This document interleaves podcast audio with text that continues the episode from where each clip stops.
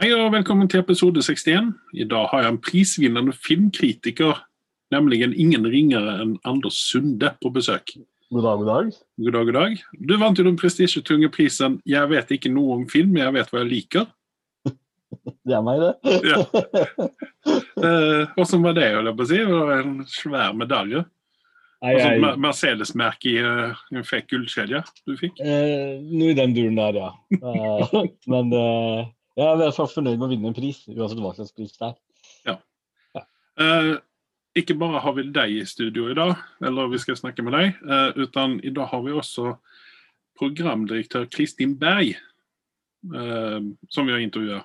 Ikke i dag, vi gjorde det tidligere. Så en, eh, vi, skal ha en, vi skal spille opp den intervjuen etterpå. Og da skal vi finne ut hva en programdirektør gjør. Altså, Her snakker vi om programdirektør for kino. Eh, Men innan vi skal snakke med henne, så skal vi ta litt nyheter. Eh, Det skjer jo ikke så særlig mye om dagen, eh, riktignok, og det får vi svar på ut av Ja, det får vi svar ut av Kristin på. Ja. Hva, hva, hva ting er når det gjelder kino og film og Veldig. sånne ting. Det er veldig greit å vite for oss filmentusiaster at ja, hva, hva har vi å glede oss til, og hvordan er ståa ja, per dags dato. Eh, Men vi begynner med Marvel. eh, Og Chris Evans, han eh, som spiller Captain America, han er nå i snakk med Marvel for å komme tilbake til MCU. Om det betyr at han skal svinge innom Falcon and the Winter Soldier på Disney Pluss, eller om han faktisk skal være med i en spillefilm. Hva tror du? Jeg tror Jeg tror at det har litt med Kanskje det er bare en spekulasjon, men han har jo dratt inn et parallell univers eh, hvor han ble igjen. Så kan det hende at vi møter han mens han driver og opererer der borte. Er det kanskje Ja, sånn at de skal återopplive den her Peggy-TV-serien? Nei, jeg tror ikke Peggy det er TV-serien. Nei, jeg håper ikke det. Jeg har ikke sett på den heller, men uh, jeg, tror, jeg, tror det, jeg tror det blir litt sånn cameo-aktige greier. Mulig. At han blir litt sånn som Hulk? At han dyker opp litt i dag og da? Ja. Det er, det er egentlig sånn jeg ville ha likt å ha hatt Captain America hele veien. Spør du meg. Ja, nei, det er Ja. Nei, det er en bra idé, det der. Um, uh, skal vi se her Vi skal eh, fortsette litt med um, Vi var jo litt grann inn i um, i Marvel her, så vi fortsetter der, tenker jeg. Uh, Matt Damon han eh, er nå i Australia og skal spille inn scener for Thor Love and Thunder. Så jeg vet ikke om han skal reprisere sin rolle han gjorde i den ene Thor-filmen der han eh, spilte Var det? Loki han spilte? Hæ? Oh, Matt Damon, ja. Matt Damon, ja. jeg tenkte på Ben Affleck. Jeg, jeg rysta. Kona mi bare midt på natta fortalte meg nyhet om at han hadde nettopp gått gjennom stakkars han hadde gått gjennom en brudd, så jeg trodde det var det du skulle snakke om. Men eh, ja, nei, nå, nå er jeg tilbake igjen. Ja. Eh, Med sin cubanske samboer, tror jeg dette er det vi snakker om. Men okay. fordi jeg dere som skulle bry seg om det. Men eh, tilbake til Matt Damon. Ja, nei, det er kult, det. Eh, ja, interessant om det er Loki som Loki. Kanskje han er en annen versjon av Loki, hvem vet? Ja, nei, vi, vi får se. Det, er- det er spennende. Altså, det, jeg har jo venta litt på at han skulle dykke opp i Marvel. for siden, så. Ja, nei, men vi får se. Uh, vi tar en sving innom eh, DCEU, dvs. Si Batman-universet. Her, her er det litt greier nå. eh, mye rykter og alt mulig rart. Eh, et rykte sier at Michael Keaton er den foretrukne Batmanen i DCEU framover. Jeg, jeg vet ikke. Vi har jo lett snakket om det, og jeg tror vi begge kan si oss enige om at eh, DCU har ikke så mye å gå på lenger, eh, der de kan drive, og, drive noe sprell. De burde egentlig gå helt tilbake igjen til eh, sine røtter og finne ut hva som fungerer og ikke fungerer, istedenfor å drive og sprelle overalt. Men ja, eh, vi alle, i hvert fall fra vår generasjon, kan være enige i at hvis man trykker på Batman, så er det vel Michael Keaton sin hode som popper opp først. Og etter det så er det vel Christian Bale, er det ikke det? George Clooney. Nei. Ja, nei, Christian Bale eh, stemmer det. Uh, nei, altså, men, men hvis, du, altså, hvis du tar hans utseende sånn som han ser ut nå, i Vulture, som Vulture i Spiderman-universet, Mhm. Så uh, han er ikke den kjekke playboy lenger som han var når han var Batman på 80-talet. Nei. Jeg vet ikke. Han er jo, han er han kjekk? Ja, nei, altså, han er veldig oppe i åren. Jeg tror han, han det, det er det som er tingen her. Han har så jævla mye sjarm. Boyish, sjarm. eh. Ja, så du, du, du bruker ikke energien på å sjekke om fyren er kjekk eller stygg eller hva han er for noe. Han har den der sjarmen som bare glatter over alt. Du, du, du hadde nok fått liksom bromance-greier over han hvis du hadde vært i samme rom som han. Så enkelt og greit er det. Ja, det var, ja, jag har vært starstruck, det hadde jeg vært. Og da där jo ju sminker og, eh, og peruker och allting. Så att det er nok ikke vanskelig å få honom å se yngre ut. Nei. nei. Nei. Men uh, hva heter han skuespilleren som heter Negan i The Walking Dead? Um, Howard Dean holder jeg på å si, men hva är han heter? Dean, Dean Han heter Je Jeffrey Dean Morgan. heter han. Ja, Jeffrey Dean Det Morgan. hadde vært så mye bedre hvis vi hadde fått en alternativ oh. versjon av Batman og skulle være mørk. Han hadde vært den perfekte. Det var jo snakk om det også. Mm. Um, fordi han eh, spilte jo faren til Bruce i eh, ben, uh, ben Affleck sin Batman, hvis ikke jeg tar feil. en, en utav de. Mm. Ja. Ja, Så men eh, veldig, veldig synd hvis ikke de går for han. Ja. Uh, selv om jeg liker å se Michael Keaton på lerretet og blir alltid veldig veldig fornøyd, så, så vil jeg på en måte ikke se han i den rollen. Jeg vet ikke Nei. hvorfor. Nei, jag vet ikke. Men det andre ryktet er jo det at vi får to separate, man, bat, separata Batman-univers. Det Mm. vil si at vi får Pattinson uh, Bat-Pat-universet med litt sånn uh, mer detektiv-type. Og sen så får vi det Batman-universet der uh, Batfleck For, å- eh, for å bryte den ned, så er det sånn at vi får to Batman-varianter. Der den ene sier 'I'm Batman', og den andre sier 'I'm Vengeance'. Så vi klarer å skille mellom de to. Ok. Ja, ja. Ja, nei, men altså, Det blir jo sikkert ikke Batflex som skal ta men altså, det er det universet der.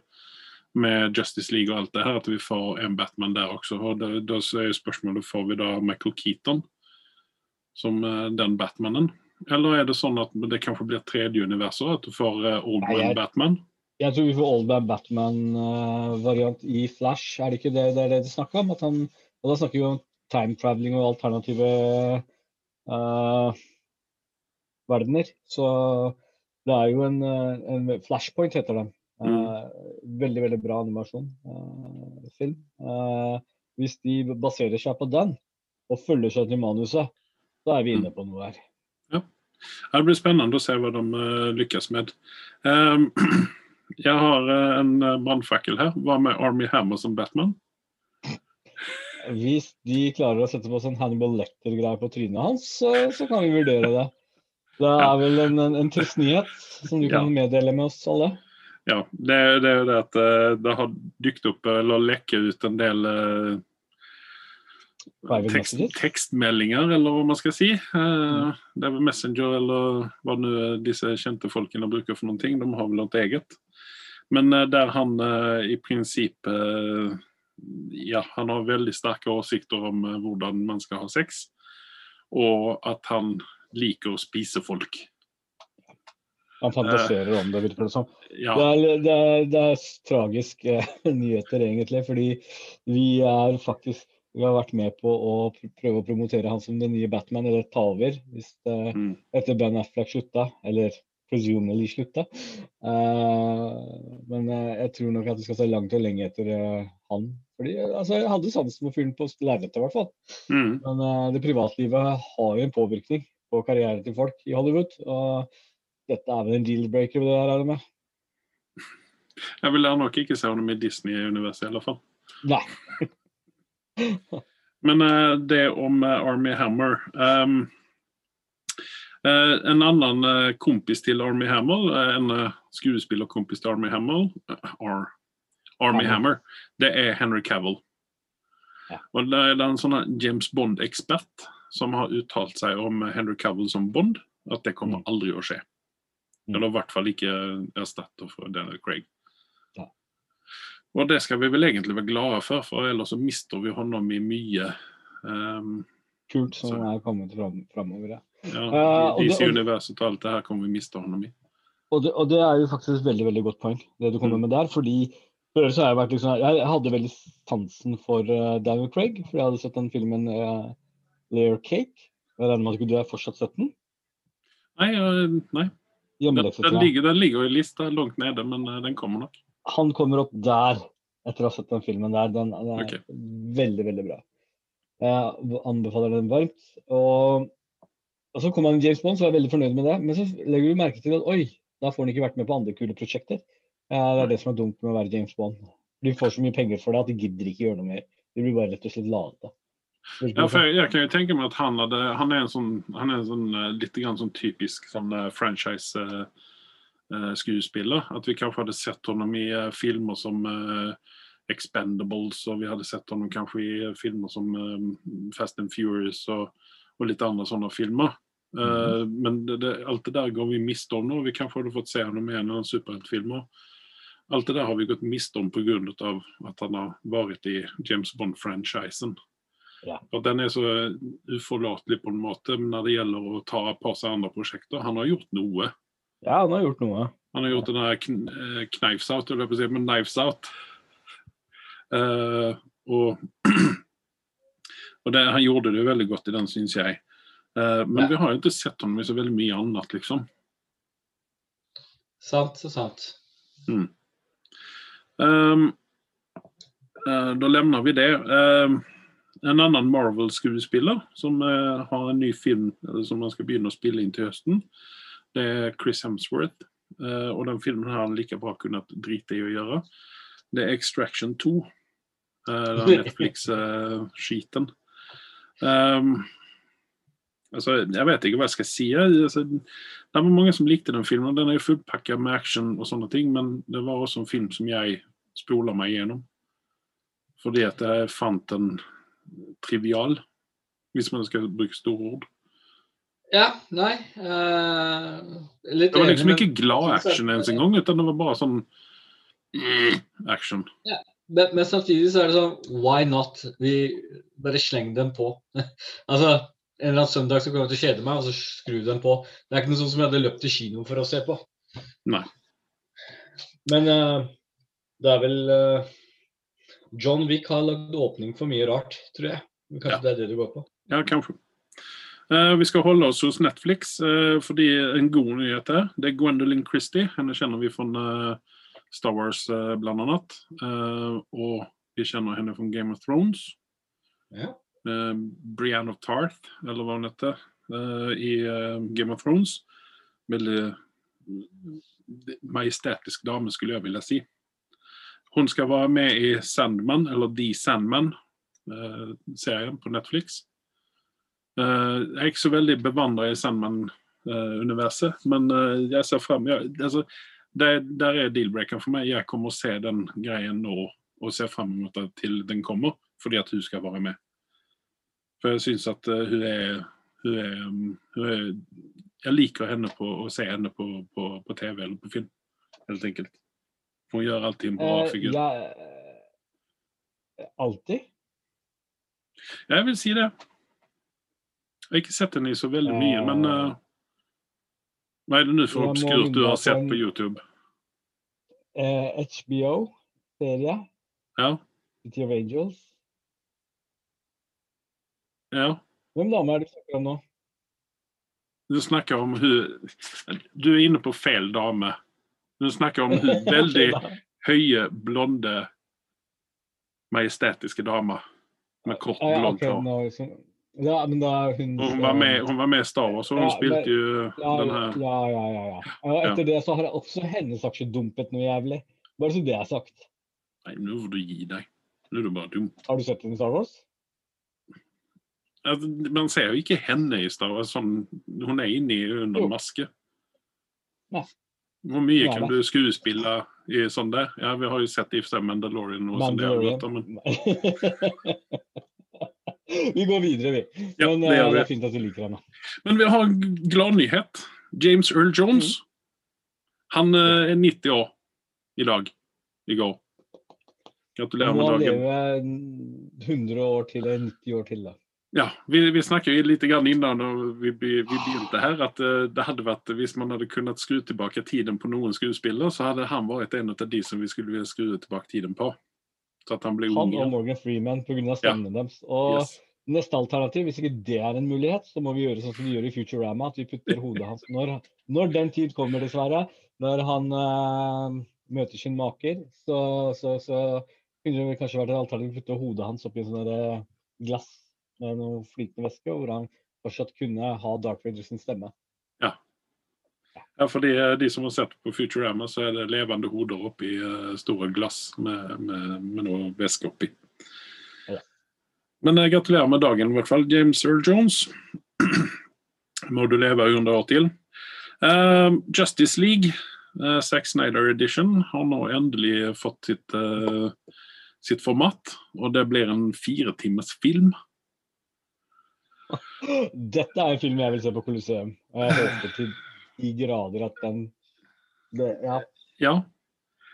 Ja, det, det, hadde vært, det hadde vært fint å, eh, å gått å sett den, men jeg tror at jeg hadde stelt meg lengst bak i køen. Fordi at eh, Ja, sluppet å liksom Sluppet å sitte blant alle de andre tusen som skal se den. Helt enkelt. Eh, Jeg kommer til å hoppe på kino første muligheten eh, jeg får. Og om jeg må ha sånn glassboble over hodet mitt, så, så gjør jeg det. Men uh, Det er kjipt for de som sitter bak, da. og, og det er ikke sånn at det er sånn kjempe sånn der, jeg har ikke store forventninger til filmen, men den må da være bedre enn originalen, holdt jeg på å si. Det vil definitivt være annerledes. Og hvis den er annerledes bra eller annerledes dårlig, det återstår å se. Men fire timer, det, de skal vel få med det meste, da. interessant ting som jeg skal eh, legge til her. Jeg, eh, satt og så på en serie nye filmreview-folka på YouTube, mm. og som hadde nettopp sett eh, Eller nettopp og nettopp, han hadde sett da uh, Justice League. Uh, nei, unnskyld. Det er uh, den filmen eh, Batman versus Superman-filmen. Mm. Hvor han sa hans opplevelse av den filmen var uh, veldig det samme som vi har snakka om tidligere. Men når han hadde sett Directors Cut, som var extended, Mm. hadde han et helt et annet bilde av, av filmen, for den var mye mer komplett og ikke så opphakket. Så det burde egentlig være hjemmeleksa vår å få tak i den. Uh, En Blu-ray-variant av den som har en uh, extended version av den. For den skal visst være mye, mye bedre. Og da, og da kan det jo dette her eh, være tilfellet her også.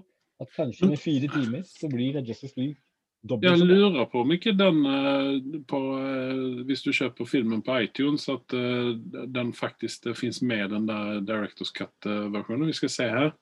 Mm. Du snakker om Batman versus Superman. Den extended version som finnes av den, som jeg egentlig aldri hadde tenkt å se. Men eh, nå, nå som jeg hørte han si det, så, så, så ble jeg faktisk litt mer eh, interessert. Jo, Ja, den, den er faktisk eh, the extended cut. Den er 30 minutter lenger. Ja, eh, kanskje jeg skal kjøpe den, selv om det er en film jeg egentlig ikke hopper høyt for. Nå skal det sies at jeg har bare sett den extended cutten. da. Så jeg har ingenting å jamføre med. OK, ok, fair enough. Ja. Fair enough. Men det var de nyhetene vi hadde. Etter Efter det lille reklameinnslaget vi skal ha nå, så skal vi eh, ta oss og snakke med eh, Kristin Berg, som jobber på norsk nordisk film. Dvs. si kinodelen av nordisk film. Ja, vi er tilbake etter dette. Magnum will return after these messages and station identification. I en verden full av podkaster om film og TV lever én mann i frykt for mektige menn i Hollywood. Hans alias er Anders Sunde, og hans synspunkter er så kontroversielle at han frykter å bli assassinert. Som ikke er et reelt ord, men det er det som kommer til å skje. Last ned Hva er din favorittfilm? for å høre to karer bable om film og TV. Nye episoder hver tirsdag på iTunes, Spotify og Podbean. Eh, vi har Kristin på besøk i studio. Eh, hun er programdirektør hos eh, Norsk ki Filmkino. Nordisk Film. Nor Nordisk Filmkino eh, heter det. Og en programdirektør. Forklar oss litt kort hva en programdirektør gjør i en kinobedrift. Ja, det skal jeg forklare. Det høres jo feiende flott ut. eh, Men det betyr altså at jeg har ansvaret for de filmene, eller for de tingene vi viser på kinolerretene våre rundt omkring på kinoene vi driver. Så i hovedsak så har jeg da se de filmene som skal vises. eh, Alt fra den minste dokumentarfilmen til de største Star Wars-filmene. Eh, Så er det da oppgaven eh, min, og ikke bare jeg selvfølgelig, sammen med mine kolleger, å vurdere hvor disse filmene skal gå, hvilke kinoer det skal gå, hvor stor sal den skal ha, slik at den blir tilpasset den etterspørselen. Eh, Altså hvilke kinogjester som har lyst til å se de ulike filmene. Så det er sånn i hovedsak det som er ansvaret mitt. Det var, jo, det var jo veldig interessant. Det er en spennende jobb du har, og litt av en jobb. Eh, Jeg må si det at jeg blir litt sånn misunnelig å kunne sitte og se på kinofilmer hele dagen. Ja, det er ikke, det er ikke helt sånn, det er ikke helt sånn at jeg bare sitter og ser på film hele dagen. Nå, nå, synes, synes, jeg at uh, Ja. det, det, var det, det var det jeg hørte, i hvert fall. At du sitter og ser på kino, kinofilmer en dag. Men Men ja, jeg ser film. Mm. Eh, vi hadde For noen år siden her nå, så hadde vi en sak i avisen der eh, Odeon, EMC, altså vil si den store eh, filmkjeden i eh, USA og i Storbritannia, truer Universal Pictures med boikott fordi at de ville slippe ut filmene sine på streaming, samtidig som de skulle sette opp det på kino. Det ble jo livet av dess like. Eh, hvordan steller dere til det? For det vi ser jo nå eh, flere og flere releaser på filmer på eh, streaming-servicer samtidig som vi ser det på at det kommer på kino. Og spesielt i disse tider her så er det vel kanskje ikke så veldig mye kino på, eller film på kino, men derimot så kommer det ut på streaming. Hvordan ser dere på dette her? Er det et, er det et hot mot, mot kinonæringen? Ja, altså det er et eh, stort spørsmål, eh, og det er ikke bare ett enkelt svar på det. Eh, altså Den situasjonen som du snakket om først der, dvs. si at Universal slapp Trolls, det var det som var utgangspunktet for den diskusjonen i fjor, i mars, da covid startet, ble en realitet. Det var da hele diskusjonen rundt dette startet. Og det er mye som har skjedd siden den gang. Eh, Disney Pluss har blitt etablert eh, også her i Norge. HBO Max eh, skal lansere hele Warners filmpakke for 2021 på sin streamingtjeneste. Men alt dette er jo framskyndet og initiert av nettosituasjonen. Stengte kinoer, covid osv. Så, videre. så det er klart at dette er blitt en veldig het diskusjon nå, som igjen har blitt framskyndet pga. covid og stengte kinoer. Eh, diskusjonen rundt kinovindu. Altså et kinovindu er den tiden fra den blir sluppet til på kino og på en eller annen streamingplattform. Ja, det er mange forskjellige varianter av det også. Eh, det kinovinduet er veldig heldig for kinobransjen. Det har vært i all, all tid, og det har vært store diskusjoner hvor stort eller ja, hvor bredt dette vinduet skal være. Eh, I Norge er det ca. 90 dager. Eh, Det er også i statene. I Danmark er det f.eks. 122 dager. Mm. Dette kinovinduet er viktig i forhold til at vi har den eksklusiviteten som kino. eh, Og vi betaler også en filmleie som er høy, nettopp for at vi skal ha den eksklusiviteten. Så dette er jo et økonomisk spørsmål. Dette er et spørsmål om betingelser, eh, forretningsmodeller. Eh, Men, så, men alt dette er nå i endring, det ser vi jo. Så det er klart, når verden blir normal igjen, så vil kanskje verden se litt annerledes ut i forhold til de ulike typer eh, vi se, filmene og når de slippes på de ulike plattformene. Men jeg er sikker på at vi vil komme til enighet uh, når igjen uh, verden blir litt mer normal. Ja. Var det, var, det, var det noensinne et diskusjonsemne hos dere å følge med den boikotten av eh, Universal? Jo, altså det, var jo, det kom jo aldri så langt. Altså det var jo en, eh, en diskusjon som eh, ble tatt i statene, ned der. Eh, Men det som er sikkert, er at vi diskuterer disse tingene hele tiden. Mm. Internt, eksternt. Både, altså det er jo en kinopolitisk stor diskusjon som er viktig for hele altså worldwide. Så det er jo på en måte men det er klart at det, de, det, dette er ting vi diskuterer absolutt hele tiden, ja. Mm. Med distributørene, som er våre leverandører. Vi forholder jo oss til de norske distributørene eh, vil leie film av dem. Så Mm. dette er diskusjoner som er oppe eh, hele tiden, og som vi er veldig bevisst på. Men akkurat den eh, AMC Universal-diskusjonen eh, som eksisterte da, det var en diskusjon som foregikk i statene. Men eh, selvfølgelig, dette er ting vi snakker om hele tiden også. Ja. Um, så tenker jeg som så her at når korona, vi er ferdig med korona, sier vi nå eh, veldig snart, og eh, vi skal åpne opp kino og allting sånt her igjen, da, så har dere sett på altså Hvilke grep kommer dere ta for å vinne tilbake kinopublikummet igjen? Uh, film er jo best på kino, det er ingen, ikke stikk under stol med, men samtidig så er man jo mennesker, og man er litt sånn bedagelig og liker å sitte hjemme i sofaen. og eh, det, det er jo fint å kunne bare kneppe på, og så er man der, og så kan man pause og gå på toaletten og sånne ting.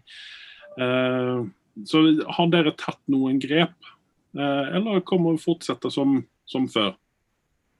Første må jeg spørre deg, er du ikke litt lei av å sitte i sofaen og se på det? Det er i hvert fall jeg. Altså, jeg sitter eh, og sjekker mobilen min, eh, alle mulige apper eh, underveis, og så mister jeg litt tråden i hva egentlig filmen handlet om, osv. Så, videre. så jeg, bare, jeg er sikker på at folk er så utrolig klare for å komme seg ut av den stua og inn i en kinosal.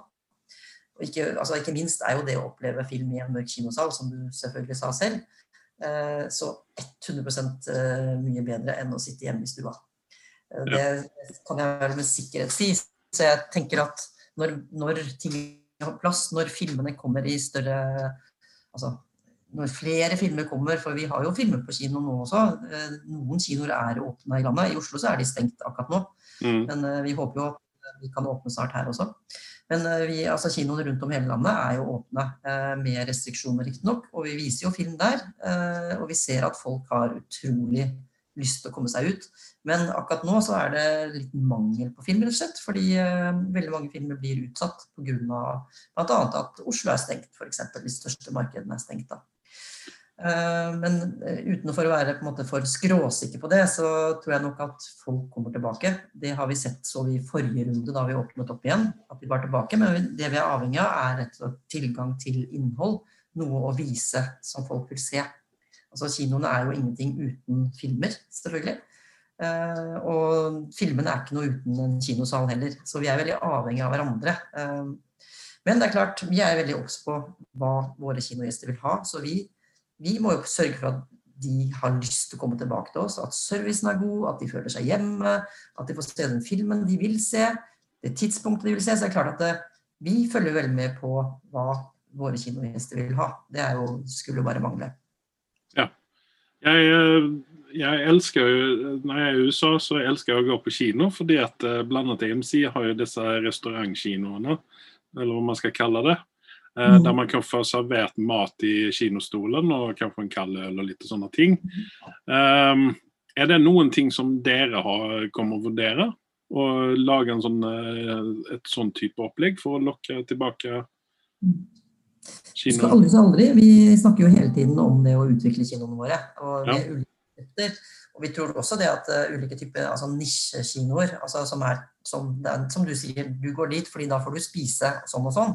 Mm. Uh, mens andre vil jo slett ikke ha noen som spiser ved siden av seg i et kinosenter. Så det er jo veldig mange ulike behov. Og, og så, jeg, vi tror nok også, og det er jo veldig klar over, at folk, altså det å tenke nisjer, at folk kan gå på kino og få akkurat det de vil. I Oslo for eksempel, har vi Gimle kino, jeg vet ikke hvor kjent dere er, men som er en ensalkino der du kan kjøpe deg vin, ta med inn i deilig deilige fløyelssetene og sitte og se film og spise nøttene dine. Mens andre vil heller gå på Ringen kino, som er mer en moderne digital kino. Eh, som på en måte har en helt annen kanskje fokus på andre ting. Lyd og lyd, f.eks. Men ja, det er et eh, eh, Akkurat det du spurte om, det med mat, eh, servering, den type ting, så er jo det ting vi også eh, altså, er, ikke- Det er ikke en ting ikke vi tenker på, eh, og muligheter ikke vi tenker på. Så svaret er vel ja i forhold til å prøve å tilpasse oss det eh, våre gjester vil ha. Ja, for det, da går jeg med på kino hvis, hvis jeg kan få lov å spise middag samtidig. Middag, faktisk. Ja. Det er klart. Det, det er jo det, ja ja. Det, det er ikke små greier man får bli servert der borte. Eh, eh, Det som er litt irriterende kanskje akkurat med det der, det er jo at denne servitøren, stakkars servitøren må løpe disse gangene opp og ned. og Det kan bli litt sånn forstyrrende når man har spist ferdig og, og sånn. Ja.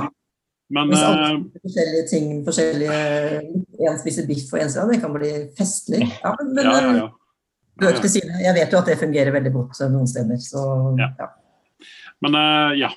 Eh, hva, hva kommer det å gjøre med, med prisene på billettene til kinoen? Kommer, kommer man prøve å ta inn det man har tapt, eller er det sånn at eh, nei, nå begynner vi på null igjen, så bare fortsetter vi der, der vi var? Nei, vi kommer jo ikke til å øke pris. Altså, det er ikke noe sånn at vi øker prisene for å ta igjen noe av det tapte på, etter covid. Men vi prøver jo å ha et fornuftig prissystem og utvikle det også. Og kanskje tilpasset uh, ulike grupper der også. Ulike tidspunkt på dagen, den type ting. Så den ulike typer priskonsepter er det noe vi jobber med, ja. Ja. Det har vi noe med uansett. Altså, det er ikke bare nå vi gjør det. Altså, vi, vi, er jo viktig for oss å ha en pris som er fornuftig, uh, uansett covid eller ikke. For Anders har vi snakket en gang om at uh, hva med å ha sånn døgnåpne kino, så at man slipper å være så mange på kinoen samtidig. At man kanskje kan uh, Nå vet jeg at det, en, i en periode så var det vel eh, halvparten av setene som var åpne, og så skulle det være to meter mellom, eller hva det var for noen ting. Men Mm. er det, er det, har, man, har man sett på mulighetene til å ha uh, døgnåpne kino? Vi har ikke prøvd ut det, men eh, det er, det er jo rett og slett ikke så mange som går på kino om natten. eh, rett og slett. Og det er jo et økonomisk spørsmål det også, å ha Mm. på jobb eh, døgnåpent. Så det er klart at det, det, det er jo snakk om økonomisk bære, altså om det er helt tatt mulig rent økonomisk å få dette til å gå rundt også. Men eh, det er jo, vi forholder jo også de restriksjonene som til enhver tid er. og akkurat dette med smittevern og sånn, det er vi blitt skikkelig gode på. Da vi åpnet Ringen kino som en testkino i mai, 8. mai faktisk, eh, i fjor, så var vi jo en av de første i verden som åpnet igjen etter nedstenging. Da fikk vi veldig sånn verdens øyne på oss, eh, rett og slett. Og det var jo utrolig spennende, fordi eh, det var jo så viktig at vi overholdt smittevernregler, alle de tingene. Og det, det, som vi, det som vi ser, er jo at uh, våre kinogjester føler seg trygge på kino. Uh, ikke bare hos oss, da, men kino generelt. Og det er jo ingen beviselig smitte som på en måte har Altså det er ingen som kan føre smitte tilbake til kino. Eller, uh, så, det, så det å gå på kino er trygt, og det er vi også veldig glad for at våre kinogjester synes. Ja. Og det, det er sånn sagt en verdens Altså ikke bare her i Norge, men kino generelt. Ja, men det, det høres ut som at det fall altså, at dere, dere er liksom på situasjonen her nå. Eh, men ut ifra situasjonen sånn som vi har det nå, eh, nå, tror du, nå, nå, ser dere før dere at kinoene kommer å åpne igjen? Altså, da, da må du ta betraktning at vi, vi holder på å vaksinere befolkningen her nå. Ja. Eh, når, når, liksom, når er grensa liksom at nå, nå, nå skal vi åpne? Det er eh, også et veldig godt spørsmål. Jeg skal love deg, Det snakker vi om hele tiden. Vi snakker om det kanskje daglig. Senest i dag snakket vi om det, hørte på pressekonferanse som Raymond Johansen eh, hadde om Oslo-vaksine og sånt noe. Så vi sitter jo med ørene på stilk hele tiden i forhold til hva som blir formidlet. Eh, I Oslo så er nok situasjonen eh, slik at fremdeles er smitten såpass høy at eh, det vil nok gå noen uker før vi åpner igjen. Eh, Men det, det er også bare antakelser. I resten av landet så er jo kinoene åpne, bortsett fra noen, noen steder rundt i Oslo omegn.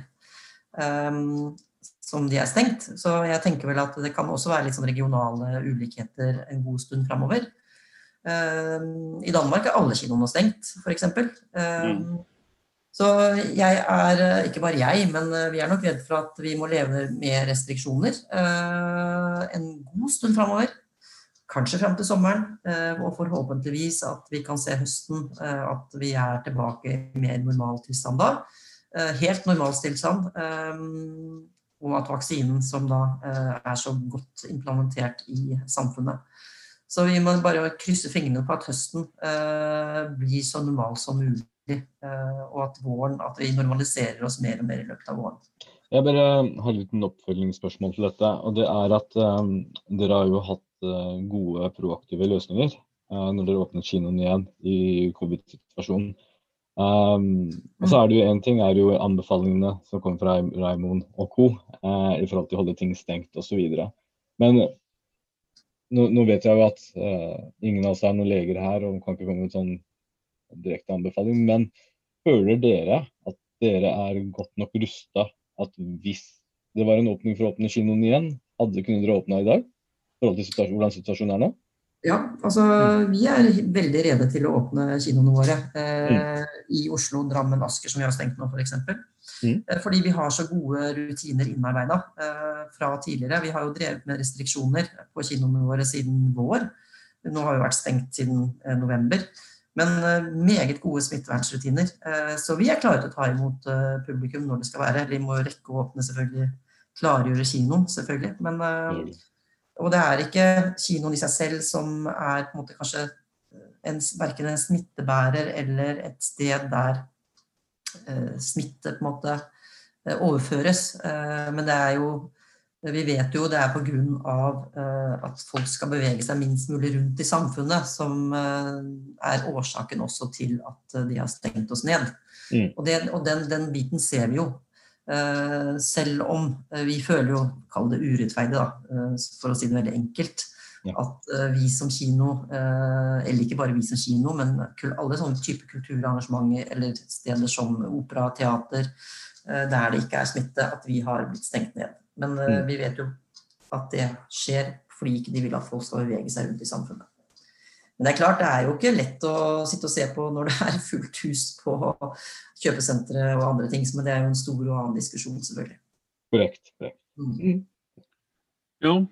Eh, sånn rent økonomisk, det kommer vi inn på litt grann sånne ting som kanskje er litt hemmelig for dere, da, men rent sånn økonomisk, eh, hvordan ser dere på det hvis eh, dere ikke får åpne opp eh, nå til sommeren? Vil vi se noen kino klappe igjen, eller, eller vil dere prøve å holde antallet eh, kino gående til at man åpner opp igjen?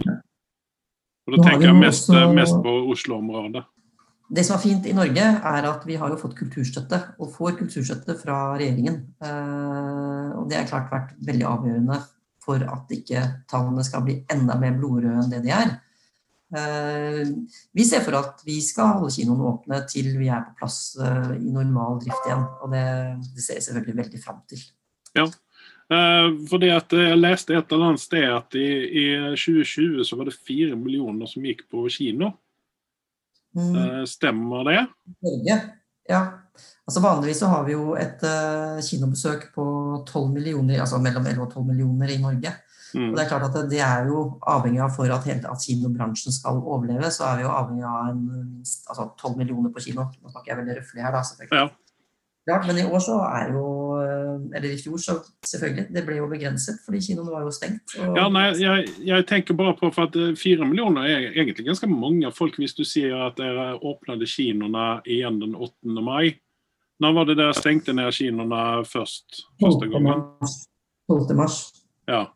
Og så, var det, ja, så var det, hadde vi et par-tre måneder uten kino. og sen så var det jo åpent igjen over sommeren, da, og så stengte vi kinoene igjen for noen måneder siden. Altså, nå bare Oslo, altså, men du må jo tenke på at vi har jo kjørt med restriksjoner hele veien. Eh, og vi har heller ikke hatt tilgang til de store filmene. altså De store filmene i sommer ble jo flyttet. Mm. Så vi har hatt mangel på stor film. Mm. Eh, vi har hatt store begrensninger eh, i kinosal, så vi har jo fått inn færre mennesker. Ja. Det som har gjort det veldig bra på kino i høst, det var jo de norske filmene. Så vi har jo en rekordhøy eh, andel av norsk film eh, prosentvis, eh, som vi gjorde veldig bra i fjor. Og det, Hvis ikke vi hadde hatt de norske filmene i høst, så hadde vi jammen eh, Da hadde vi ikke hatt film å vise, nesten. Og da hadde tallene sett enda verre ut. Mm. Ja, Nei, for eh, Poenget mitt var jo det at det beviser jo egentlig bare at folk er veldig tørst etter å gå på kino. Så eh, med, eh, med, disse tiltakene som dere har, og de, de, eh, de måtene, de grepene dere tar for å få tilbake kinopublikum, så, så, tror ikke jeg det kommer å bli noe større problem å, å få til dette her. Jeg kan jo si noe om at Vi ser jo at folk har veldig lyst til å gå på kino når Mm. det kommer. Er sånn som Vi lanserte jo Tennet. Eh, ble lansert i høst. Og Det er jeg jo veldig takknemlig for. og Det var den sånn største, første blockbusteren etter nedstengingen. Og Vi ser jo at det var en to og en halv time lang film. Folk kom på kino og så den. Eh, nesten 200 stykker, 200 000 i Norge så den filmen. Ja. Bøker har blitt sett av mange, og ikke minst barnefilmer som eh, Knutsen og Ludvigsen f.eks., som ble lansert i høst med restriksjoner, er blitt sett av over 200 000. Så det er klart at det, ja, folk har absolutt lyst til å gå på kino. Og det er jo så fint å se. Um, Så vi er sikre på at det er jeg faktisk sikre på, eh, at folk vil komme tilbake på kino. Eh, Men det finnes også en eh, sånn velkommen tilbake kino, til kino-kampanje som kinoene står, har, har kinoene, eller filmbransjen sammen har laget, som vi skal lansere når vi faktisk åpner ordentlig igjen også. Så vi har forskjellige tiltak som skal måte effektiviseres når verden blir litt mer normal. Eh, Jeg hadde et, eh, et spørsmål som jeg har tenkt på en liten stund her, siden du sa at eh, det er kino som er åpna i, i, eh, i, eh, i Norge her. Og det er jo det at hvis eh, I USA så er man litt sånn sveisan når det gjelder covid-greier. Og jeg kan jo tenke meg at helt plutselig så åpner de opp kinoer der, og da skal det lanseres en del filmer. Og hvis Norge fortsetter å være så strenge som de som jeg syns egentlig er ganske bra at vi er, eh, med tanke på våre naboer og sånne ting. Så eh, hva skjer Hvordan tenker dere hvis, eh, hvis, de, hvis de helt plutselig lanserer eh, La oss si Black Widow på, på, på kino i USA. Kommer dere å lansere den ute i distriktene før dere setter opp den på kino i Oslo, hvis Oslo er nedstengt? Det er et godt spørsmål. Nå er, det er jo ikke vi som bestemmer over filmene, for vi leier dem av distributører. Ja. Eh, Black Widow er f.eks. Disney som har. Så hvis den, blir trukket, altså hvis den blir lansert på kino i Statene, så blir den nok lansert her også. Men eh, det, altså det, kom, det er jo forskjellige altså, Hva skal jeg si, da? Eh, Fordi det er ulike, ulike store ulykker i de ulike landene mellom, så kan Mm. det være justeringer i premieredato. F.eks. et veldig aktuelt tema er Wonder Woman 2. Som eh, ble lansert eh, både på kino og på streaming i Statene rett før jul. Mm. Og det er også lansert på kino de stedene som har hatt sine markeder åpne, eller kinoer åpne. I Norge så er, skulle filmen bli lansert til jul, men den ble flyttet til januar, og igjen blir flyttet til ubestemt dato nå pga. at Oslo er eh, stengt. Så den norske distributøren tilpasser jo da eh, premieredatoen på denne filmen Mm. kinoene i Oslo er åpne igjen. Fordi at eh, de kinoene som er stengt nå, representerer ca. 35% av markedet i Norge. Og da er det jo ikke eh, det er ikke økonomisk bærekraftig å lansere den filmen uten Oslo, dessverre. Nei. Så da, da den, blir, altså den type film blir nok ikke lansert uten at Oslo er åpen. Og det, er, det, og det gjør jo igjen at uh, kinoene i distriktene ikke får så mye ny film. Og det er jo også en kjempeutfordring for de kinoene som er åpne. Yes. Eh, Anders, har du noen tilleggsspørsmål? Du har vært veldig snakkesalig i dag, men har du noen ting å tilføye, eller? Nei, jeg syns hun har svart ganske godt på spørsmålene som har blitt stilt. Og nei, eh, ikke noe egentlig mer å legge til Nei. eller spørre. Eh, Kristin, har du noen ting som du har på hjertet som du vil formidle til eh, publikum her når det gjelder kino, utover det vi har snakket om? Nei, jeg må si at jeg gleder meg utrolig til at vi åpner kinoen igjen. For det, det er, det er, altså, en kinosal skal ikke være stengt, den skal være åpen hele tiden. Og jeg gleder meg til eh, den opplevelsen å sitte i en kinosal sammen. Altså det er møtet mellom eh, publikum og lerret. Akkurat det der magiske som skjer eh, der, det gleder jeg meg til. Og det håper jeg, og det tror jeg, at uh, dere gjør også. Selv om Ja, ja, ja. absolutt. ja, ja. Absolutt. An- Anders han er en, Anders han er en kinoslave, han. Jeg er, mer, jeg er mer litt sånn bedagelig, ja, men uh, Anders han er, han er nesten sånn han klippekort på kinoen. han. Jeg har assistenser nå om dagen, så jeg skulle gjerne ønsket at det var flere filmer han kunne gå til. Men man må bare tilpasse seg til situasjonen. Mm. Hva, Vi kommer til å åpne igjen, og det, det ser jeg veldig fram til. Det gleder jeg meg veldig til. Eh, og, ja. Ja. Mm. Jeg håper at vi kan, vi kan snakkes vid eh, når kinoene har åpnet igjen. Ja, det kan vi gjøre. Da kan vi Også, ha en. Mm. Ja, så får vi, får vi en liten oppdatering på hva som, eh, Ja. hva som kommer å skje, kanskje. Til og med. Litt sånn eksklusivt. Yes. Men eh, da sier jeg takk til eh, Kristin, og jeg sier takk til Ja. Anders, og jeg sier takk til meg sjøl. Så Mhm. eh, ja, takk skal du ha. Ha det bra. Ha det bra. Tusen takk. Ja, det var intervjuet med Kristin Berg. Jeg håper at eh, dere ble litt klokere på hva, hva som eh, skjer rundt kinobiten akkurat nå, og litt grann i framtiden. Ehm, ja. Vi skal ta for oss uh, WandaVision. Vi skal ta for oss The Stand. Og sen så skal jeg spy galla over en film som, er, som har en Marvel connection, som heter Outside the Wire. Det er han eh, Mackie som er med i den, eh, og den filmen er om, enda, om mulig enda verre enn extra, eh, Extraction. Mm. For det var noe av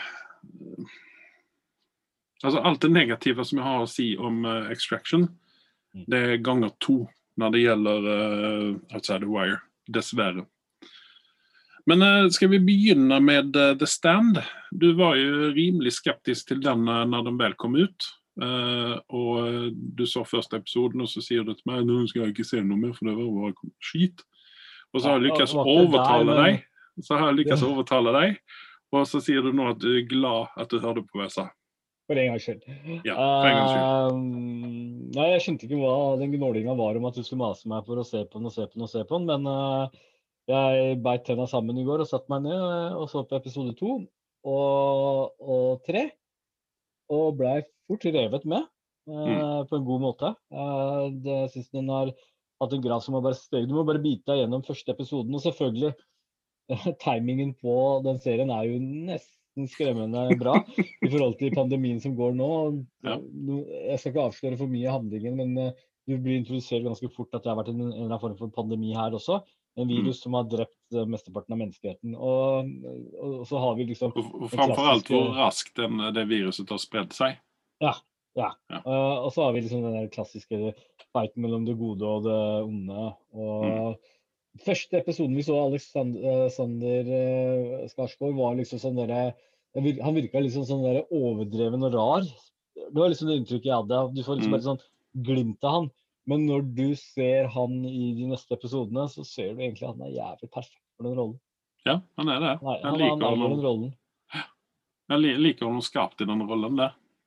Og så er det litt morsomt hvor mange skuespillere de har fått med på den serien her. Ja, vi har jo fått med en av dine favoritter. Det er jo Amber Heard. Mhm. Og eh, Det var kanskje ikke så lurt at hun, hun tok ja, takka ja til sånn type rolle, eh, ettersom hun har fått ganske mye skit med Johnny om dagen. Men, men. Jeg skal ikke si noe. Nei, eh, for oss som har lest boken og kanskje sett den originale miniserien, så har hun jo kanskje fått den verste rollen den, ja, den verste rollen for damene i denne serien. Mm. Med tanke på karakterutvikling og sånne ting. Men eh, hva, hva liksom hva, hva syns du? For det, det er mye, det er mye sånn hoppende fram og tilbake eh, for, for backstoryen til uh, hovedkarakterene. Hva, hva syns du om det? Har du mulighet til å følge med, eller blir det for, er det for mange karakterer å holde orden på? Nei, du, det er ikke noe problem. Ja, det- Jeg føler ikke at det er noe rotete i det hele tatt. De tar for seg det på en ganske god måte. Ja. Uh, de har vært flinke der. Så Men der igjen så påstår jeg at jeg klarte å følge ganske mye på Tennet også, da. Så jeg er litt over gjennomsnittet, tror jeg. Um, der er noen karakterer der som, eh, der jeg mener som er feilkasta i denne serien. her. Det er bl.a. Whoopi Goldberg. Jeg Ja. syns ikke at hun, hun er ikke den altså hvis, Jeg holder på å lytte på boken nå, og hun er ikke den rette typen for den rollen der, mener jeg. Um, det er sikkert mange som er uenige med meg, men der burde de ha hatt en annen uh, litt eldre skuespiller inne i den. Og sen så er det Goldberg er egentlig ganske gammel, som bare holder seg jævlig Hun har vært uendra siden 80-tallet. Jeg merker hun bare hvitt hår. Ja, eh, det, det, det har du vel for så vidt rett i, men eh, altså hun, fort, hun ser fortsatt ikke ut som hun er 108 år gammel. Hun skal være 108 år gammel i denne serien her, og det, altså, dessverre. Sorry, Mac. Det går ikke. Og sen så han som spiller Nick Andros, han som er Death uh, Mute, uh, Henry Zaga heter han. Mm. Han, han passer heller ikke inn i den rollen. Har han uh, Riktignok så var det Rob Lowe som spilte den rollen i uh, originalminiserien. Uh, så at han sitter fastspent på min netthinne når det gjelder Nick Andros. Han, uh, mm. den type skuespiller hadde passet mye bedre inn der. Um, sen så har de jo bytta grann på karakterene fra boken når det gjelder kjønn. Og, og det, det, det, har jeg ikke noen problemer med, for det fungerer like bra for det. Uh, men det er noen av disse hovedkarakterene her som jeg er litt sånn, litt sånn skeptisk til. Og så han James Marston. Han er, ikke, han er ikke gruff nok til den uh, karakteren som han skal spille. Jeg, jeg, jeg hata han fra X-Men-seriene. Ja, men han er ikke fordi han uh, Altså, Stu Redman i boken, han er en, en fyr fra Texas som antageligvis tygger på tuggetobakk og Mm. drikker en eller to øl for mye med kompisene sine. Ja. James Marston han er, han er litt for snill for det der. Ja, han er litt sånn uh, the good boy, holdt jeg på å si. Ja. Uh, den flinke gutten. Så ja, jeg er enig der. Han uh, Men jeg, da jeg må- har ikke lest boka, men, men, men jeg bare føler at ikke han er helt den på rollen. Men sånn er det. Nei, altså, Jeg har ingenting imot den castingen der, men han er litt for, han er litt for, han har litt for snill, snill, snilt fjes for den rollen, syns jeg. Men eh, de har lykkes, det er en ting som de har lykkes fint med, det er eh, Man merker aldersforskjellen mellom uh, James Marston sin karakter og Odessa Jung, heter hun. Uh, Franny Goldsmith sin karakter. Fordi hun er jo I boken så er hun en 18-19 år eller noe sånt, 20 år. Mens James Marston sin karakter er oppe i 30.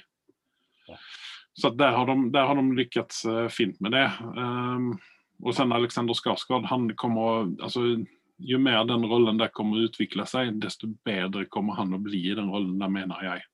Håper Ja, han er, vi, vi kan vel si Nå, nå er det jo liksom dårlige nyheter. Hva var det jeg sa? At han hadde fått 5,4 han satte på IMDb. Mm. Og det er jo i fare for at det er mange som velger da å droppe å se på serien. Eh, Ja. Når de ser på sånne reviews som det. Men det hadde vært litt morsomt å sette liksom Skarsgård komme tilbake i medvinden. da. Han har liksom Mm. ikke vært med på noe sånn kjempestort i det siste, og det er jo mye potensial der i fyren. Så lenge han får riktig type roller. Ja, ikke sant. alt han passer til. Men det han, når han skal spille drittsekk og den type litt sånn litt mørkere roller, da, så syns jeg han Mm. passer utmerket. Sen har vi en annan, en annan av dina favoriter med i denne eh, serien her òg, og det er Ezra Miller. Jeg har ikke sett den ennå. Nei, han, han kommer litt grann senere, men han er like opp greit. Karakteren Like hans heter Trash Can Man. Ja, Ja, han er også litt sånn koko. Sen har vi en av mine favoritter, det er Greg Kinnear. Han er Mm. aldri skuffende i hva han enn gjør. Det er litt Nei. grann synd at ikke han er en A-lister. Nei, men sånn er verden, da. Ja, Det er jo det. Men uh, nok gushing over, uh, over The Stand. Uh, vi skal snakke om WandaVision. Og Altså, der er det vel til WandaVision. Eh, din interesse for The Stand er jo veldig basert på å høre om han. Du høres som, ikke nesten, du høres veldig ut som en fanboy. mm, Uh, av at du har lest boka og du har sett den tidligere serien eller filmen. hva faen du skal kalle det. mm. Men er dette en film du anbefaler sett ifra, bort fra eh, fanboy-øynene? Altså fra den kvaliteten og produksjonen? Ja. Eh, fordi at det er et spennende konsept, som du sa, med, eh, med at det ligger i tiden her. Og det som er problemet med denne serien her, det er jo avslutningen på den. Fordi at dette er, dette er en Stephen King-bok, og han er kjent, og han gjør selv narr av seg selv. eh, med det at han ikke klarer av å avslutte ting på en korrekt måte. Men, men så er det jo sånn at man adopterer disse her til eh, serier. Eh, Eller live-filmer, eller hva det skal være. Og så klarer de å gjøre noen endringer og gjøre ting bedre. F.eks. It, eh, eh, TV-filmvarianten og den nyere varianten var jo forskjellig. Mm. det var en bra avslutning, det skal jeg ikke uttale meg om noe lenger. Men, men de, de har potensial for å endre ting, da. Ja, naturligvis. Og eh, jeg håper at de, de får en bedre avslutning enn den som var på originalminiserien. Ja. Eh, Nå minns ikke jeg riktig avslutningen i boken her, men det kommer jo til det. Jeg har, jeg har 11-12 timer igjen å lytte på innan jeg er ferdig med den. Nei, altså Jeg håper jo at eh, det blir en bedre avslutning, og jeg håper at de eh, lykkes å endre såpass mye fra boken at det blir en bedre avslutning enn det jeg frykta i boken. liksom. Men OK. Jeg, jeg vil gi The Stand Her kommer fanboyen inn, da. Jeg gir den 8, mellom 8 og 8,5, faktisk. 7,5 her. Men jeg har fortsatt litt å bevise. Ja. Eh, den er fortsatt litt sånn dag, uh, dagbane for meg. Men OK, videre over til WandaVision. Det Ja. var egentlig eh, hovedtemaet vårt i dag, men så Eh, Ja. Jeg, jeg sitter her og klør meg i hodet etter å ha sett den. Det Ja. Og jeg, jeg, er liksom litt grann i det samme hjørnet som du er. Uh, og at uh, det var Det var vel på en måte ikke det jeg hadde forventa meg å se. Um, Jeg hadde ingen forventninger til den serien. Jeg ville ta, liksom, gå fresh in, og jeg skjønte at det var en sånn alternativ eh, univers eller en variant vi skulle se på her. Men eh, det hjalp tablans lite å ikke ha noen forventninger for den innfridde ikke en dritt eh, for for- for for min del.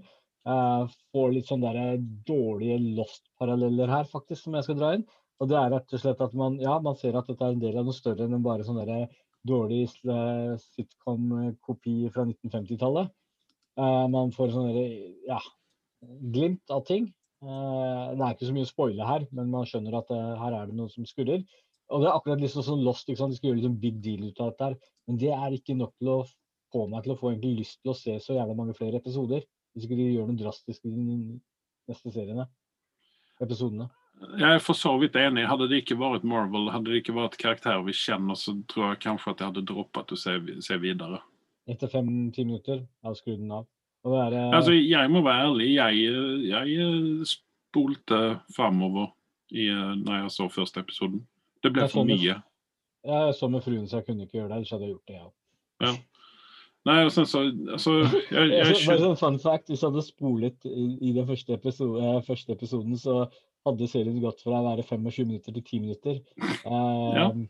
og, og det første poenget jeg tenkte når jeg satt og så på så tenkte jeg nå kan ikke Andreas klage så mye på Mandalorian. i hvert fall. Den hadde et bedre start enn det denne har hatt. Jeg har hatt, jeg, drev og sammenlignet dette her. for Ja. Dette er en del av to store universer som er kjent. Eh, og da forventer man en viss kvalitet. Eh, og kvalitet, de har sikkert brukt penger på dette her, men eh, underholdningsverdien var ganske lavt for min del.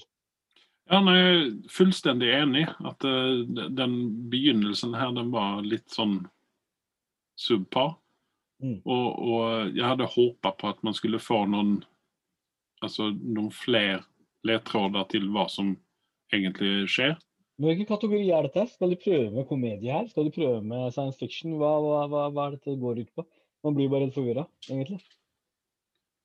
Hadde de, hadde de introdusert ti minutter, altså godt og gjort det de har egentlig tenkt å gjøre med serien, så hadde det vært greit med at de dro en hel jævla episode pluss neste episoden på sånn samme dritten, så mm, Lover Ja, ikke men godt. her, her, er, her er jo spørsmålet. Hvor mange sesonger ser de først at dette skal gå? Er dette en ensesongsgreie?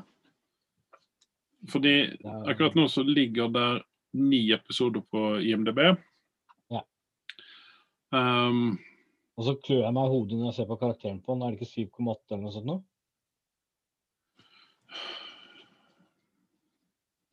Ja, 7,8. altså 7,6 og 8,0 fikk eh, episode 1 og 2. Men det ser jo ut på bildene som ligger på IMDb da, at de kommer ganske, går ganske raskt fram. At de begynte på 50-tallet, inn i 60-tallet, og så 70-tallet, og så episode 4 i 80-tallet. Så spørsmålet er hvor raskt skal de gå fram, og hva er, hva er greia med dette her? Hva er the end game? Ja, nei, altså Dette er jo basert på en comic eh, hvor, du, hvor du har kjørt samme opplegget. eh, ja, men i den komikken, komik så var ikke Wanda med. Ja. Ja. Det var bare Vision og hans Vision. familie. Nei, Det var, se. så jeg er litt sånn hmm, Hva er greia? Mm. Nei, vi, altså, vi får bare fortsette å se og så håpe på at uh, det dyker opp litt mer sånne her røde og gule eh, pryler rundt omkring. Eller Ja. Färgglada prylar rundt omkring så at vi, vi får altså, vi, alltså, ja. Det er noen som knakker henne på hodet og säger at nå må du våkne. For det er jo ikke stick under stol med at dette her er eh, en drøm eller et alternativt univers for Wanda. Fordi hun sørger eh, Vision sin død. Altså, altså ja. ja. Eh, Hun er nå kobla til en maskin, har man fått litt sånn Ja, for det, det easter egg i dette her var, eller det som nerdene har funnet ut, takk nerder, det er det at eh, dette førsiggår den hva det nå var, november i 2023. 25. november eller noe sånt i 2023. Mm. Um, og det, det, det er jo da et bevis på at uh, hun drømmer, eller hun tenker, eller hun er koma, eller hva man nå Mm. Eh, men også er det noe som er jævlig morsomt med uh, serien, er at jeg, jeg at nesten tror at en episode er på 15 minutter. Og sånt, for har du sett hvor lang den jævla rulleteksten er på slutten? Det er jo sånn 10 minutters rulletekst, jo. Altså Hele totalgreia er 25 minutter, og så går 10 minutter på rulletekst. Det er helt vanvittig, spør du meg. Her er, det, her er det noe rart som har skjedd. Jeg vet ikke hva noen av eksekutive har sagt ja til, men uh, jeg, jeg er skeptisk nå til uh, Falcon-serien nå, jeg. Pga. dette her. Jeg vet ikke. Dette er eh, ja, det, litt skremt. det spørs jo det, i hvert fall de lykkes å eh, lykkes å dra dette her i land. Og hva dette, hva dette, hva dette kommer innebære for videre MCU. Ja, altså, men det er Kevin Fergie, holdt jeg på å si, Fergie, som er med i et eller annet sted. Da, Mm. Men ut ifra jeg hører, så har han fått en sånn ny jobb. Jeg tror han skal komme over til Star Wars-universet eller sånt. Nei, screw that shit. Nei, nei, nei. nei. Det er det siste nyheten Han, jeg hørte. han, skal, han, skal, han må holde seg der der han hører hjemme. For seint. Han har fått bedre paycheck. For det er det han trenger. Nei, vi, vi får se. Vi får se. Nei, men uh, når det gjelder Disney, så er det mye å vente, presis som i HBO. Vi venter på HBO Max skal komme til, uh, her til lands. Ja. Så får vi se hva det innebærer for uh, streaming og slike ting, som Kristin snakket om. Det var en ting jeg glemte å spørre Kristin om, om det kommer til å bli sånn som når HBO eh, lanserer noe. Er det sånn at det blir da forventet at det skal være også release på kinoene her samtidig? Altså Det har de gjort med Wonder Woman, ikke sant? Mm. I USA. Men her er jo kinoene stengt. Eh, og HBO Max, var ikke den, skulle ikke den komme ut i mars eller noe sånt nå? Ja, det var vel det. Og sen så skulle vi få en eh, Disney eh, plus, eh, ny fana på Disney plus nå i januar. 23 januar tror jeg det var. Men, Der vi får alt Fox-innholdet. Stemmer. Men poenget mitt var med det hele var at da kommer vi til å få Wonder Woman rett i stua nå? Eller må vi vente på at en kino sier også at nå er vi klare til å ta imot? Jeg, jeg, tror, jeg tror at vi kommer å få vente. Okay. Fordi sånn som det ser ut på f.eks. på Apple TV nå, så er det masse filmer som de har gjort reklame for, og som jeg mistenker har hatt premiere i USA på Apple, Apple TV Pluss, eller hva det er. Apple TV, ja, TV Pluss, Ja. Apple-greiene. Og, og som enda ikke er her, og det irriterer vettet av meg, for det er filmer som jeg vil se. Um, og det, det samme gjelder jo med Netflix, at eh, de holder jo undan noen av filmene for oss en liten stund innan de slipper ut dem her. Så jeg, mistenker, jeg mistenker at HBO kommer å gjøre det samme. Vi har gått litt tilbake til det tidlige 2000-tallet og 90-tallet, hvor eh, vi måtte vente veldig lenge. Ja, vi venta opp til et halvår innan VHS-ene kom ut. Ja, og, og det er litt sånn uh, synd at vi har gått tilbake i tid. Men, men. Sånn Ja. er det. Jeg vet ikke hvorfor amerikanerne gjør sånn. Er det bare for at de skal på en måte sitte med den makten at haha, vi har sett det? Det vil jo bare by inn til eh, det som vi ikke liker, dvs. Si, uh, nedlastningen ut av filmer og sånne slike ting. Mm. Det vil jo bare by inn til det, hvis de eh, dummer seg ut på det viset der. Så eh, de kommer sikkert til å få en, eh, en surge i eh, nedlastningene når, når Ja, er- filmene begynner å slippes, og de bare slippes på kino og på det- streaming. Dette her er ganske farlig, fordi i, eh, nå har vi heldigvis kommet oss vekk fra den trenden hvor folk går og nedlaster. Fordi vi hadde fått gode muligheter på å kjøpe oss til tjenester hvor du Mm. kan på en måte se på de tingene du har lyst til å se på. Men uh, når de begynner å fjerne det, så, så, så kan det fort bli en stygg greie hvor folk begynner å laste ned igjen. Vi får en uh, resurgence ut av eh, Pirate Bay og slike ting. Ja. Uh, og det vil vi ikke. Vi vil ikke tilbake til det der. Ja. Vi vil, vi vil at vi vil ha equal opportunities her, som de har med filmene der borte. Jeg skjønner ikke hva de vinner på å ikke slippe ut det her samtidig. Og det der idiotien med at de skal slippe det i Storbritannia før de slipper det i resten av Europa. Liksom, hva, tror de at engelskmennene er mer kina på å se filmen enn hva vi andre er? Ja? Jeg vet ikke. Jeg har lyst til å røske om uh, disse executivesene som sitter på, uh, på Warner og på, uh, på Disney og alt dette her. At hallo, vi er presis like viktige som dere. Jeg kanskje må ta og sende en mail igjen, for det hjelper jo når det gjelder Amazon, så hjelper jo det jævlig. For jeg sendte jo en mail med forespørsel om hvorfor får ikke vi tilgang til resten ut av tingene på Amazon Prime. Mm.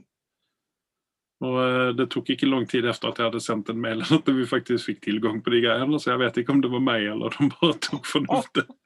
Så eh, jeg kan ta og sende en mail til Warner, og så sende en mail til Disney og så si det at uh, what's up? Yep. Så Men til slutt, som så. Til slutt her så vil jeg i hvert fall uh, gi en liten review på en serie Mm. som uh, er vel en av de lengste gåtte seriene uh, vi vet om, og det er Supernatural. Jeg vet at du har ingen forhold til det, men nå har jeg byttet tennene mine sammen og sitter på Prime og setter meg gjennom den siste sesongen. Jeg Såpass? regner med at du eh, nærmest svetter etter å høre svaret mitt. Ja. Og uh, spoiler alerts uh, for de som ikke ennå har klart å se på serien. Uh, for å være helt ærlig, Supernatural har aldri, alltid vært en sånn der serie som Å, den går på TV-en, greit. Det er sånne lett greier som man sitter og ser på når det først begynte å komme for 15 år tilbake. Mm. Og så ble det utvikla en serie som ble ble dårligere og dårligere for hver sesong som kom. Og den filmen var ganske B-serie som den var, og at de Mm. klarte å bli bare dårligere og dårligere med tida, er ganske imponerende. Men det, det klarte de. Ja, den- har en ganske stor fan, uh, fanbase, uh, så de har klart å holde koken såpass lenge. Mm. Uh, men siste sesongen så har de faktisk klart å ta seg litt sammen. Mm. Eh, dessverre så var det for 15 år lang serie så forventa jeg å se flere kjente ansikter som skulle dukke opp i siste sesongen. Der var jeg skuffa. At det var liksom for lite av dem. Og så er det et eller annet med at det virker nesten som ikke for å være slem, men de hyrer veldig mange stygge menn og damer for den serien. Det er sånn der, nesten som de har gått i en sånn trailer park og dratt ut noen rednecks som uten sminke har blitt slengt opp på lerretet for å ha fått sin store sjanse på lerretet. Men eh, det, det er sånn jeg opplever Natural. i hvert fall. Det er i hvert fall gjenspeiler ikke USA på en god måte. I hvert fall ikke i 2021, spør du meg. Eller ok. 2020, som dette gjelder. Men det hele avslutter med, vil du høre det? Mm. Uh, din dør. Hvem er det?